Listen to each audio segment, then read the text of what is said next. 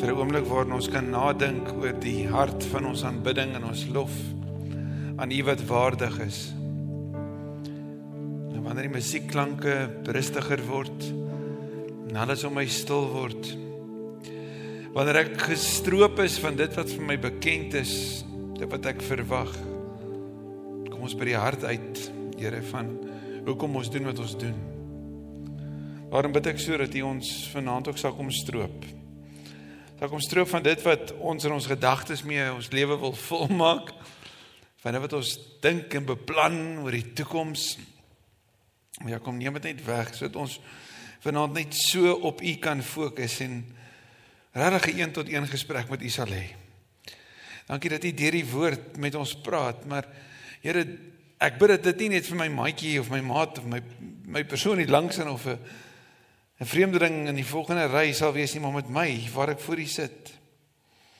Ek regtig sou hoor wat U vanaand vir my wil sê. En ek bid so dat ons nie waag moet sê om vanaand te sê Here met ons hele lewe spreek. Praat met ons. In die refleksie oor die woord kom bring ons by 'n plek waar ons nie dink nodig het om nie te dink. Juis in 'n tyd van nie dink oor dankbaarheid en Here, dankie vir die voorreg wat ons het om regtig so in diepte kon nadink daaroor. En daarom op hierdie hoogtepunt van 'n aand asseblief op hierdie reis ook. Kom en daag ons uit met die waarheid. Wees aan die woord o lewende Here in Jesus se naam bid ek dit. Amen. Ons 'n paar weke terug begin het met die dankbaarheids challenge. Het een ding vir ons baie vinnig duidelik geword en dit is dat dis nie iets wat van nature kom nie. En en veral nie Bybelse dankbaarheid nie, want dit is baie meer as net mooi maniere, nê?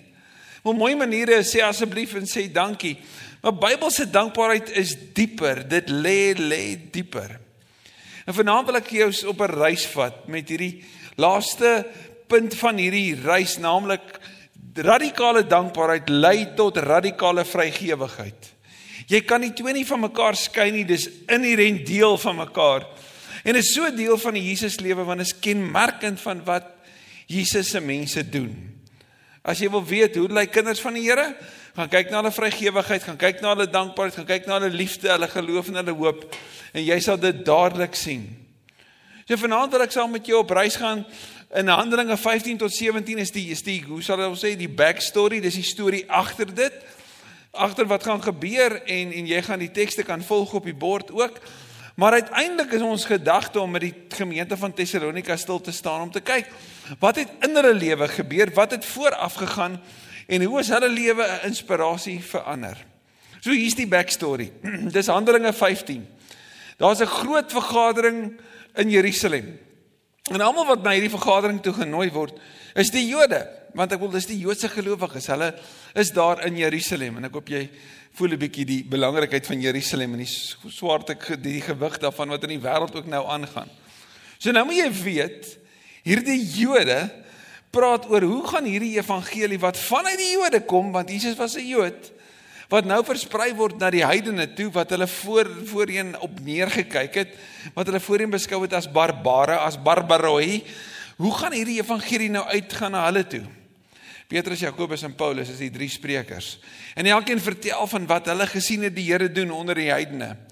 En wat besluit daai vergadering? Nou hoor mooi, hulle het 613 Joodse wette gehad wat hulle ander op appel kon maak om te sê julle moet by dit hou. Wat besluit hierdie vergadering? Drie goed. 1. Hulle moenie porneia nie. Nou porneia is die Griekse woord vir losbandigheid. Hulle moet glad nie deelneem in enige vorm van seksuele losbandigheid nie. 2. Hulle mag nie vleis eet wat aan afgode geoffer is nie en 3 ook nie bloed drink nie. Nou hierdie 3 het altyd gebeur by afgoderry en by afgodstempels. Dis al wat hulle van hierdie gelowiges verwag, die nuwe gelowiges glad nie die hele stel Joodse reëls nie. Glad nie die hou van al hulle seremonieele wette en dis weer nie. Hulle gee weg, hulle gee weg, hulle gee weg sodat ander die goeie nuus kan ontvang. Ek hoop jy hoor dit. Hierdie hart van weggee wat lei dat ander kan ontvang. En dan toer Paulus en Barnabas met hierdie brief. Opgewonde om dit vir die heidene te gaan vertel. En voordat hulle op hulle tweede sendingreis sit, sê Barnabas hom: "Hoorie Paulus, ek wil net vir jou vra. My neefie Markus Hy was op die eerste sendingreis saam met ons. Kan hy asseblief op die tweede een saam met ons gaan? As hy Paulus, daar's nie 'n manier nie. Nee, maar Paulus asseblief is my neefie daarom. Kan ons hom nie net saamneem nie asseblief? As nie 'n manier nie. Hy het ons gedrop. Sorry, jy drop niemand vir die evangelie nie. Jy vat dit alles. As jy Jesus volg volledig, jy drop nie. Ek vat nie 'n dropper saam nie. Sorry. Daar staan in Handelinge 15 hulle het so van mekaar verskil dat skielik hierdie sending poging van die antieke wêreld verdubbel. Want Paulus sê toe vir Silas wat ons ken ook as Silwanus, jy kom saam met my op my tweede sendingreis. Al Barnabas en Paulus se verhouding was daarom so sterk dat uiteindelik gaan ons lees in 2 Timoteus 4 dat Paulus vir Timoteus sê: "Bring vir Markus. Hy kan vir my goed wees." So via Barnabas het Paulus se verhouding met Markus ook herstel en later kry ons die Markus Evangelie omdat Barnabas die ondersteuner wat sy naam beteken, die bemoediger omdat hy vasgebyt het. Maar nou vat Paulus vir vir Silas en nou gaan hulle op hulle sendingreis. Nou ek wens jy kan die kaart hier voor jou en sê jy kan sien hier onder is Jerusalem en as jy nou opgaan dan gaan jy na Antiochië toe. Dis die basis waar uit Paulus hulle op daai stadium gewerk het, hy en Barnabas. En dan gaan hulle op 'n sendingreis al die pad tot heel bo daar by Griekeland. Ons Griekeland van vandag wat op daai stadium bekend was as die Romeinse provinsie Macedonië. Hulle kom eers deur Derbe en daar kom Timoteus tot bekering en wanneer Timoteus tot bekering kom, dan sê Paulus wel, jy's 'n Griek en ons gaan na die Jode toe eerste. So hulle gaan nie na jou luister nie, so dis tyd dat ek jou besny. Nie op grond van wette nie, maar op grond van jy moet weggee ter wille van die evangelie en dan Timoteus bereid om dit te doen. En daarna kom hulle by die gemeente of by die die dorp aan Filippi. Filippi daar in Handelinge 16 is 'n Romeinse kolonie en dit beteken baie sterk Romeinse teenwoordigheid.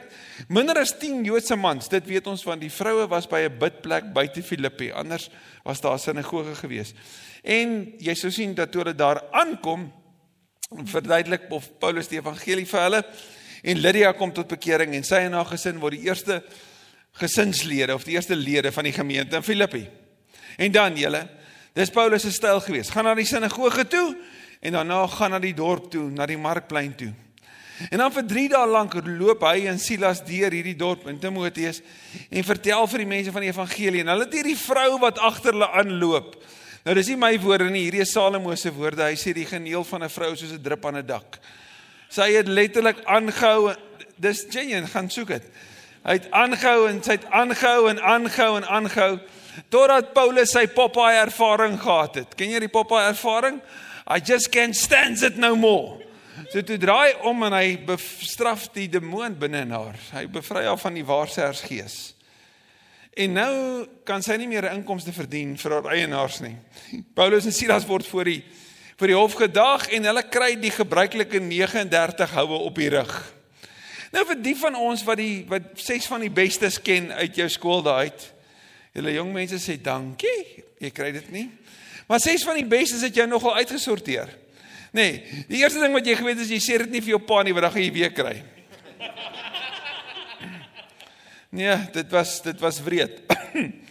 So die tweede een is jy het geweet dat wanneer jy die ses van die bestes gekry het, is jy redelik uitgesorteer vir die volgende week. Jy het geweet ek gaan ten minste binne in my boksie en in my in my baan gaan ek bly want die ses van die bestes het gewerk. Maar dit was hier en gewoonlik het jy so lekker rubbervel gebruik as jy geweet het jy moet gaan. Want dit jou darm so bietjie weet beskerm. Paulus en Silas het nie daai voorreg nie en die houe wat hulle kry is nie bedoel om hulle net in hulle baan te hou nie.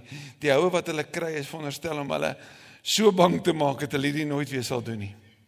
39 houe, julle sal 'n padkaart op jou rug oopslaan van merke. En nie net dit nie, hulle word met daai wonde in Filippi se tronk in die diepste deel waar die grootste misdadigers geberre word, vasgebind in houtbalke. Bene reguit, rug teen die teen die hout.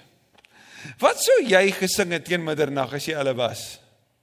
Sê dalk so iets klink van: "Ag Here, Hoekom met ons gebeur? U is so goed vir al die ander gelowiges. Wat van ons? Dit gaan so maklik met ander. Ag Here, regtig, hoekom? Ons was so getrou. Hoekom ons nou? My regisseur, Here, dis nie reg nie. Hulle het ons geslaan. Dit hoort nie so nee. Jesus seker monolites gehad het. Hæ? En wat sien ons in Handelinge 16?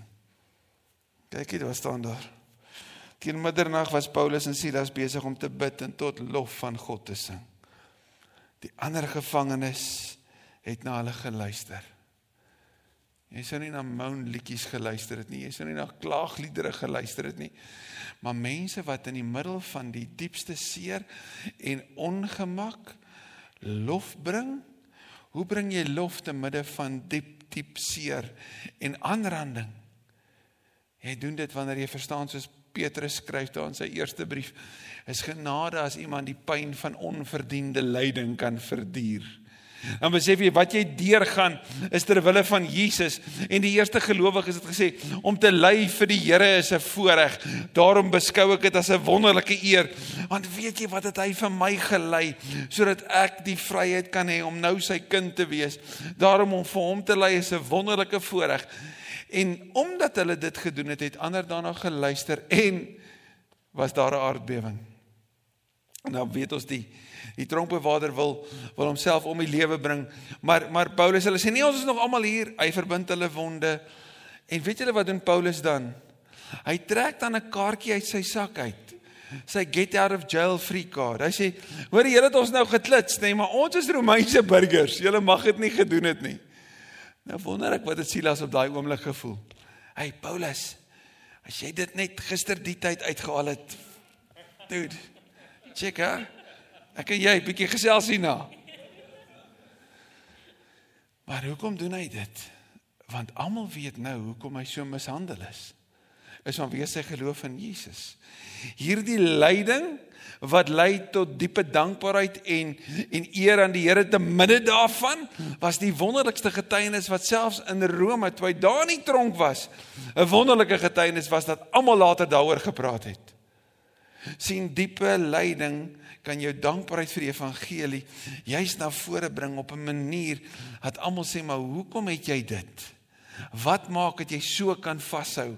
Wat maak dat jy getrou kan wees, kan opdaag en daar kan wees? Kan jy sê want daar's 'n hoop wat in my hart leef wat van Jesus afkom. Van hier af beweeg hulle dan na die gemeente Tessalonika toe. En jy gaan sien as hulle daar aankom, dan is dit 'n dis 'n dis 'n hawe dorp, daar's so 100 000 mense omtrent wat daar bly en en Paulus hulle gaan vir die eerste 3 weke sinagoge toe, want dit was hulle gebruik gewees. En daarna begin hulle ouer gewoonte na die markplein toe en hulle daar gewerk en dit lyk of hulle die gelowiges want daar het 'n paar gelowiges tot geloof gekom, nuwe gelowiges uit die Jode uit.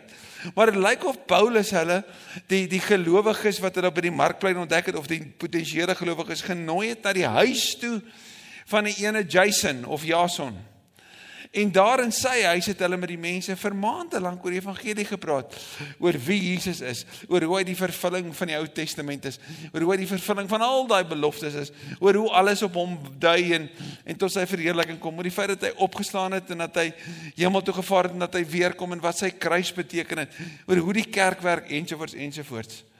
En en hierdie gemeente het gegroei totdat die Jode gehoor het, hoorie maar Paulus hulle is nou in Tessalonika en hulle sê kom ons gaan sort hulle uit.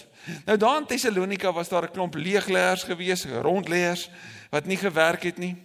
En toe kom die Jode daar aan en maak hulle bymekaar en sê oké, okay, ons gee julle 'n paar rand dan maak ons moeilikheid. Kom ons maak moeilikheid vir Jason en sy mense. Ons soek vir Paulus en Silas. Toe hulle by Jason uitkom toe, is Paulus en Silas al weg en Timoteus en hulle is weer na die volgende dorp toe uiteindelik eindig hulle in Athene. Jy gaan Handelinge 17 daarvan lees. Die belangrike is nou is Paulus in Athene, hy's bekommerd oor die gemeente, die nuwe gelowiges in Tessalonika. Dis omtrent so 8 maande later nadat hierdie gemeente geplant is en hy's regtig bekommerd dat hulle lyding daartoe gaan lei dat hulle opgegee het op hulle geloof. Hulle het by Paulus en Silas gesien dat hulle swaar gekry het vir die evangelie, maar die blyskap gedeel het. So nou stuur hulle vir Timoteus en sê hoor jy gaan vind jy net asseblief uit. Ons kan nie gaan nie want op hierdie oomblik is dit net nie reg nie want ons sal verder vervolg word en dis nie nou goed nie. Ons gaan hier in Athene die evangelie deel. Ons gaan daar in Areopagus wees en dis meer. Maar gaan hoor asseblief, ons kan dit nie langer vat nie. Gaan asseblief. Ons is so bekommerd oor hulle. Timoteus kom terug En dan skryf Paulus hierdie brief wat ons vanaand van gaan lees. En wat hy vir hulle skryf is so belangrik want wat sou jy skryf vir nuwe gelowiges? Hoe sou jy hulle motiveer? En die groot ding is hier van julle is ons het tekste wat so naby is aan die oorspronklike gebeurtenis dat ons die kredietwaardigheid daarvan sien. Daarom weet dat dit waar is. En twee, dit gee vir ons presies wat gebeur het. Ons het nie stories op stories van iemand wat eendag daar was nie. Dis geskryf net nadat dit gebeur het. So ek lees graag vir ons 1 Tessalonisense 1 vers 2 tot 7. Ons dank God. So mooi dat hy begin met dank is altyd aan God. Altyd vir julle almal. Wanneer ons in ons gebede aan julle dink. Sonder opbou. Nou hierdie sonder opbou klink soos wanneer die Griekse woord is wanneer jy hoes. Daar van julle wat al onlangs 'n hoesie gehad het wat nie wil stop nie. Hy irriteer jou so en hoe meer ek hier oor 'n hoes praat, gaan jy dalk nou wel lus raak om te hoes nê? Nee? Is daai kuggie wat jou wat jou wat nie stop nie, want dis die Griekse woord, dit dui daarop. Sonder ophou, nê, nee, wanneer ons aan in ons gebede aan julle dink. Sonder ophou bring ons dan aan God, ons Vader in herinnering die werk van julle geloof, die inspanning van julle liefde en die volharding van julle hoop op ons Here Jesus. Kyk mooi na die drie woorde daar. Geloof, hoop en liefde. Hulle is altyd saam. Jy gaan hulle so gereeld bymekaar kry. Baie keer in verskillende volgordes, dink bietjie aan 1 Korintiërs 13. Maar dadelik van die begin af skryf Paulus die werk van julle geloof. Hoekom? Want geloof moet oorgaan in aksie. Jakobus het 'n hele brief daaroor. Geloof gaan oor in aksie. Die inspanning van julle liefde.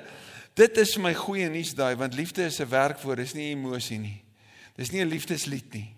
Dis 'n werkwoord en dit vereis inspanning, nê? Nee?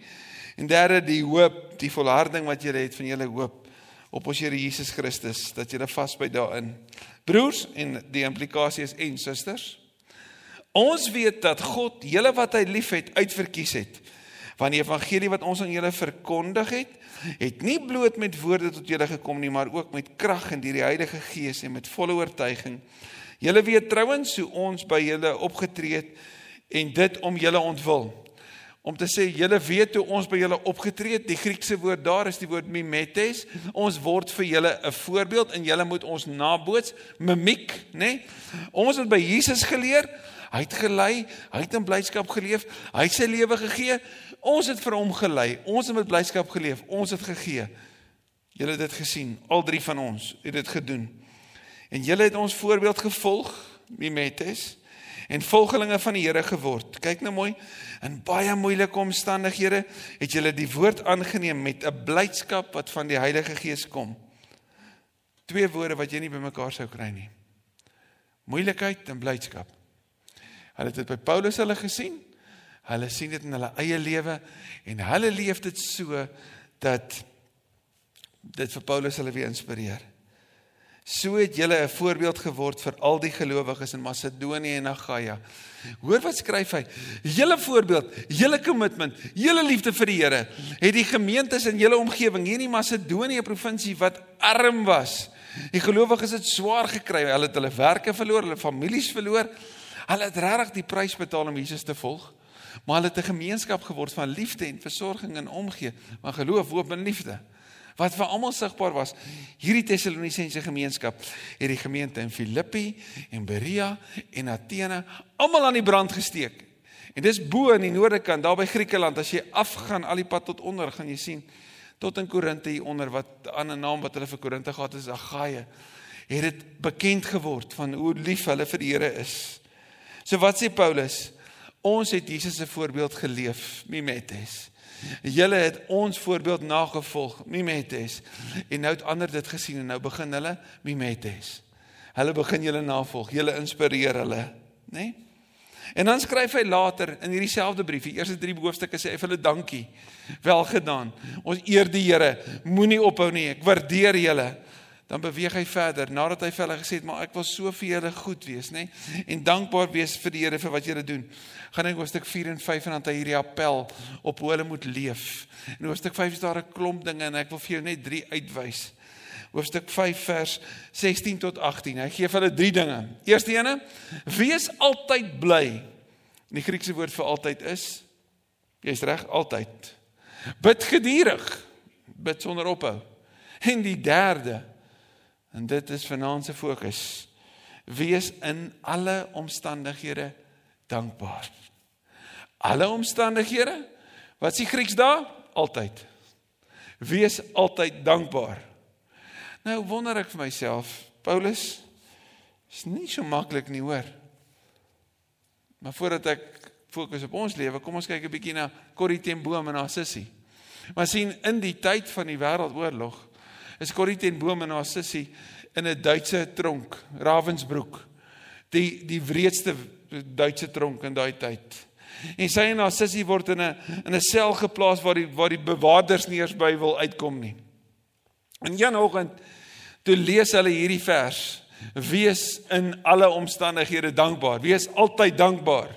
Daai 'n opdrag so terloops. Nou sê as sy vir sy sê ons moet vir alles dankbaar wees in alle omstandighede. Toe sê sy as nie 'n manier dat ek vir hierdie vloeie gaan dankbaar wees nie. Nou vir die van ons wat muskiete in ons lewe het, weet baie kere wonder ek, ek dink hulle is na die sondeval, hulle is nie met die skepping nie, daar was skepping sondeval muskiete. Voel so.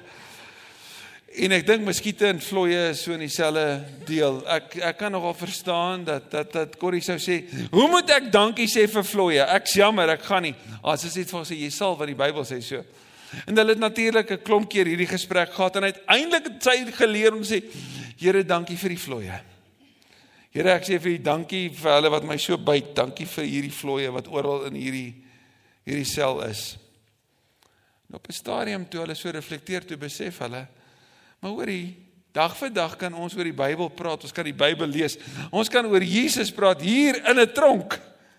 Hoe is dit moontlik? En toe hulle navraag doen, toe kom hulle agter die bewaarders wil nie na hulle deel van die tronk toe gaan nie want hulle het gesê daar's te veel vloeie daar. So die vloeie het die gelowiges as dit ware afgeseël sodat hulle oor die woord kon praat ongehinderd terwyl die bewakers nie dan albei wou kom nie. Dankie Here vir die vloeie. Wees in alle omstandighede dankbaar. Nou hierdie gemeente in Tessalonika wat hierdie inspirasie was vir ander, het later so so inspirasie geword dat Paulus na hulle verwys. Want sien, wat toe nou intussen gebeur, hierdie eerste gemeente wat ons begin het mee by Handelinge 15, hierdie gemeente in Jerusalem wat weggegee het.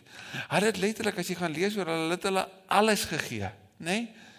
Toe tref hongersnood die gemeenskap van Jerusalem. En die Christene kry toe ook swaar. En wat nou van hulle? En Paulus reken hoorie maar ons kan nie anders nie, ons moet vir hulle help. En hy begin trou 'n uh, 'n veldtog, 'n bydra veldtog wat hy by die gemeentes kom vra. Wil julle nie asseblief ook bydra vir die nood vir die gemeente in Jerusalem nie? En die ryk gelowiges in Korinte het gesê, "Ons sal," soos wat jy baie keer kry, mense wat sê, "Ek sal," en dan as jy uiteindelik kom by dat hulle dit moet doen, dan is dit, "Ah, ja, maar jy weet nou nie." Eh. Kyk wat skryf Paulus in 2 Korintiërs 8. Hy skryf dit vir die gemeente in Korinte. Broers, Ons wil hê julle moet weet van al die genade wat die gemeentes in Macedonië van God ontvang het. Dis nou Tessalonika en Filippi en die smeer, nê? Nee? Hoor wat hulle sê. Af was hulle swaar beproef deur verdrukking. Hulle blydskap was oorvloedig. sien jy verdrukking en blydskap daar naby mekaar, nê? Nee? En al was hulle baie arm, hulle was ryk in hulle oorvloedige vrygewigheid. Ek verseker julle, hulle het na vermoë ja bo vermoë bygedra. Uit eie beweging het hulle by ons daarop aangedring om te mag deel in die liefdeswerk van hulpverlening aan die gelowiges in Judea. Dit was meer as wat ons verwag het, want eers het hulle hulle self aan die Here gegee en toe aan ons. Hierdie gemeente wat gestig is uit 'n plek van ongemak, het verstaan dat jy die Here liefhet en dat jy vrygewig kan leef omdat jy alles by hom gekry het, omdat dit nie gaan oor wat ons hiermee besig is nie, maar oor die koninkryk wat hierdie uithoeke van hierdie wêreld bereik. En hulle is so aangeraak daardeur dat hulle liefde vir mekaar 'n voorbeeld van ander geword het en hulle weggee tot op 'n plek gekom waar hulle gesê het, maar die nood in Jerusalem is ook ons nood en ons wil deel in die liefdeswerk van hulpverlening. Paulus sal later in 2 Korintiërs 8 skryf: "Julle ken die genade van ons Here Jesus Christus. Hoewel hy ryk was, het hy ter wille van julle arm geword, sodat julle deur sy armoede ryk kon word." Mimetes. Dan die laaste teksgedeelte is die volgende hoofstuk 2 Korinte 9. Daarom het ek dit noodsaaklik geag om die broers aan te spoor. Nou hoor mooi wat doen Paulus. Hy's nie besig ergens waar hy sê Leanda kom speel vir ons op die keyboard. Voel jy 'n bietjie hierdie liedjie, voel jy die beweging? Ek wil net bietjie met julle werk. Wees rustig ontvang as jy ergens nou skuldig voel, dan dan moet jy dalk daarop dis niks van dit nie. Hy's oop, eerlik, reguit. Kyk wat doen hy. Hy sê: "Daarom het ek dit noodsaaklik geag om die broers aan te spoor om vooruit na julle toe te gaan. Hulle moet die dankoffer wat julle vroeër beloof het, vooraf in orde bring. Dan sal dit daar gereed wees as 'n werklike dankoffer van dankbaarheid." En nie as iets wat afgepers word nie. Dink daaraan. Wie karig saai sal karig oes en wie volop saai sal volop oes. Elkeen moet gee soos hy dit in sy hart voorgenem het. Nie met teensin of uit dwang nie. Want God het die blymoedige gewer lief. En God is by magte om julle alles in oorvloed te skenk sodat julle in alle opsigte altyd van alles genoeg kan hê en volop kan bydra vir elke goeie werk. Ware dankbaarheid, diep dankbaarheid lei tot radikale vrygewigheid. En die Here het 'n blymoedige gewer lief. En dit gaan nie oor hoeveel jy gee nie, maar dit gaan oor waar jou hart is. sien jy dit? Dit help nie jy gee en jou hart is nie in dit nie. Daar's 'n arm weduwee wat by die offergawe kus staan en Jesus is by sy disippels. En dan staan hy so terwyl hy daar aan die oorkant is en die twee lepta wat sy ingooi is twee sulke dun muntstukkies dat wanneer sy dit laat val dan kan jy dit nie eens hoor klingel in die offergawe kus nie. En Jesus sê vir sy disippels dis hoe ware aanbidding lyk. Sien dit gaan nie oor hoeveel sy gee nie. Maar wat in haar hart is. Dis 10de maand by Kerk sonder mure. Oktober maand. Dis die maand waarin ons mekaar uitdaag om vir mekaar te sê daar's baie liefdeswerk wat in hierdie wêreld moet gebeur. Liefdeswerk van hulpverlening, beide in die uitdra van die evangelie en die verligting van nood. Beide dele wat ons hier gelees het van vanaand. En ek wil vir jou sê dit is 'n saak tussen jou en die Here. Dis nie iemand anders nie, nie die persoon langs jou nie. Dis jy en die Here. Maar ek wil vir jou vra, wil jy nie dit waag om die Here te vertrou nie? Soos 2 Korintiërs 9 sê, God is by magte om vir jou alles in oorvloed te skenk. Jesus het ons dit geleer in Matteus 6. Soek die koninkryk van die Here en hy sal vir jou gee wat nodig is. Maar wil jy nie deel in die liefdeswerk van hulpverlening nie? Wil jy nie deel in die omgee na ander toe nie? Die bereiking van nood en die uitdra van die evangelie nie? Maar hier's die ding, wanneer jy kies om te gee, dan sien jy hierdie gemeentes het boonbehalwe gegee wat Paulus hulle gedink het, nê? Nee? Wanneer jy gee, is dit nie uit skuld nie en is nie uit dwang nie. Maar is 'n geloofstap. Want wanneer jy gee, dan sê jy Here, ek gaan gee en deur te gee, vertrou ek U om te voorsien vir wat ek gegee het. En as dit tussen jou en die Here is, kyk hoe hy dit voorsien. Kyk of hy dit hoe hy voorsien. Dis dieselfde Here wat sê toets my. Toets my. En hy toets is nie 'n is nie 'n armdruk nie. Here, ek het dit te gee, U moet dit gee nie. Nee. Dis vertrou my. Aan 10de maand kry ek en jy die voorreg om te kan deel in die liefdeswerk van opverlening en soos wat ons by Paulus gesien het, so kring hierdie goeie nuus uit na ander toe. Maar het jy gesien wat in Jerusalem begin het, eindig uiteindelik weer in Jerusalem. Want hulle wat gegee het sodat ander kon hoor, het uiteindelik weer kon ontvang. En so word die sirkel van versorging voltooi. Die gee. Die selflose gee. Die gee te midde van moeilike omstandighede. Die gee uit geloof en uit gehoorsaamheid. Die gee omdat soos wat ons dit al vroeg vroeg in die Bybel daar in Genesis 12 sien, jy geseën is om 'n seën te wees. So wil jy nie vanaand vir Here vra Here, waarmee het U my geseën? Wat U wil hê ek moet aangee nie. Wat ek kan deel in die liefdeswerk van hulpverlening. Amen. Kom sluit die oë.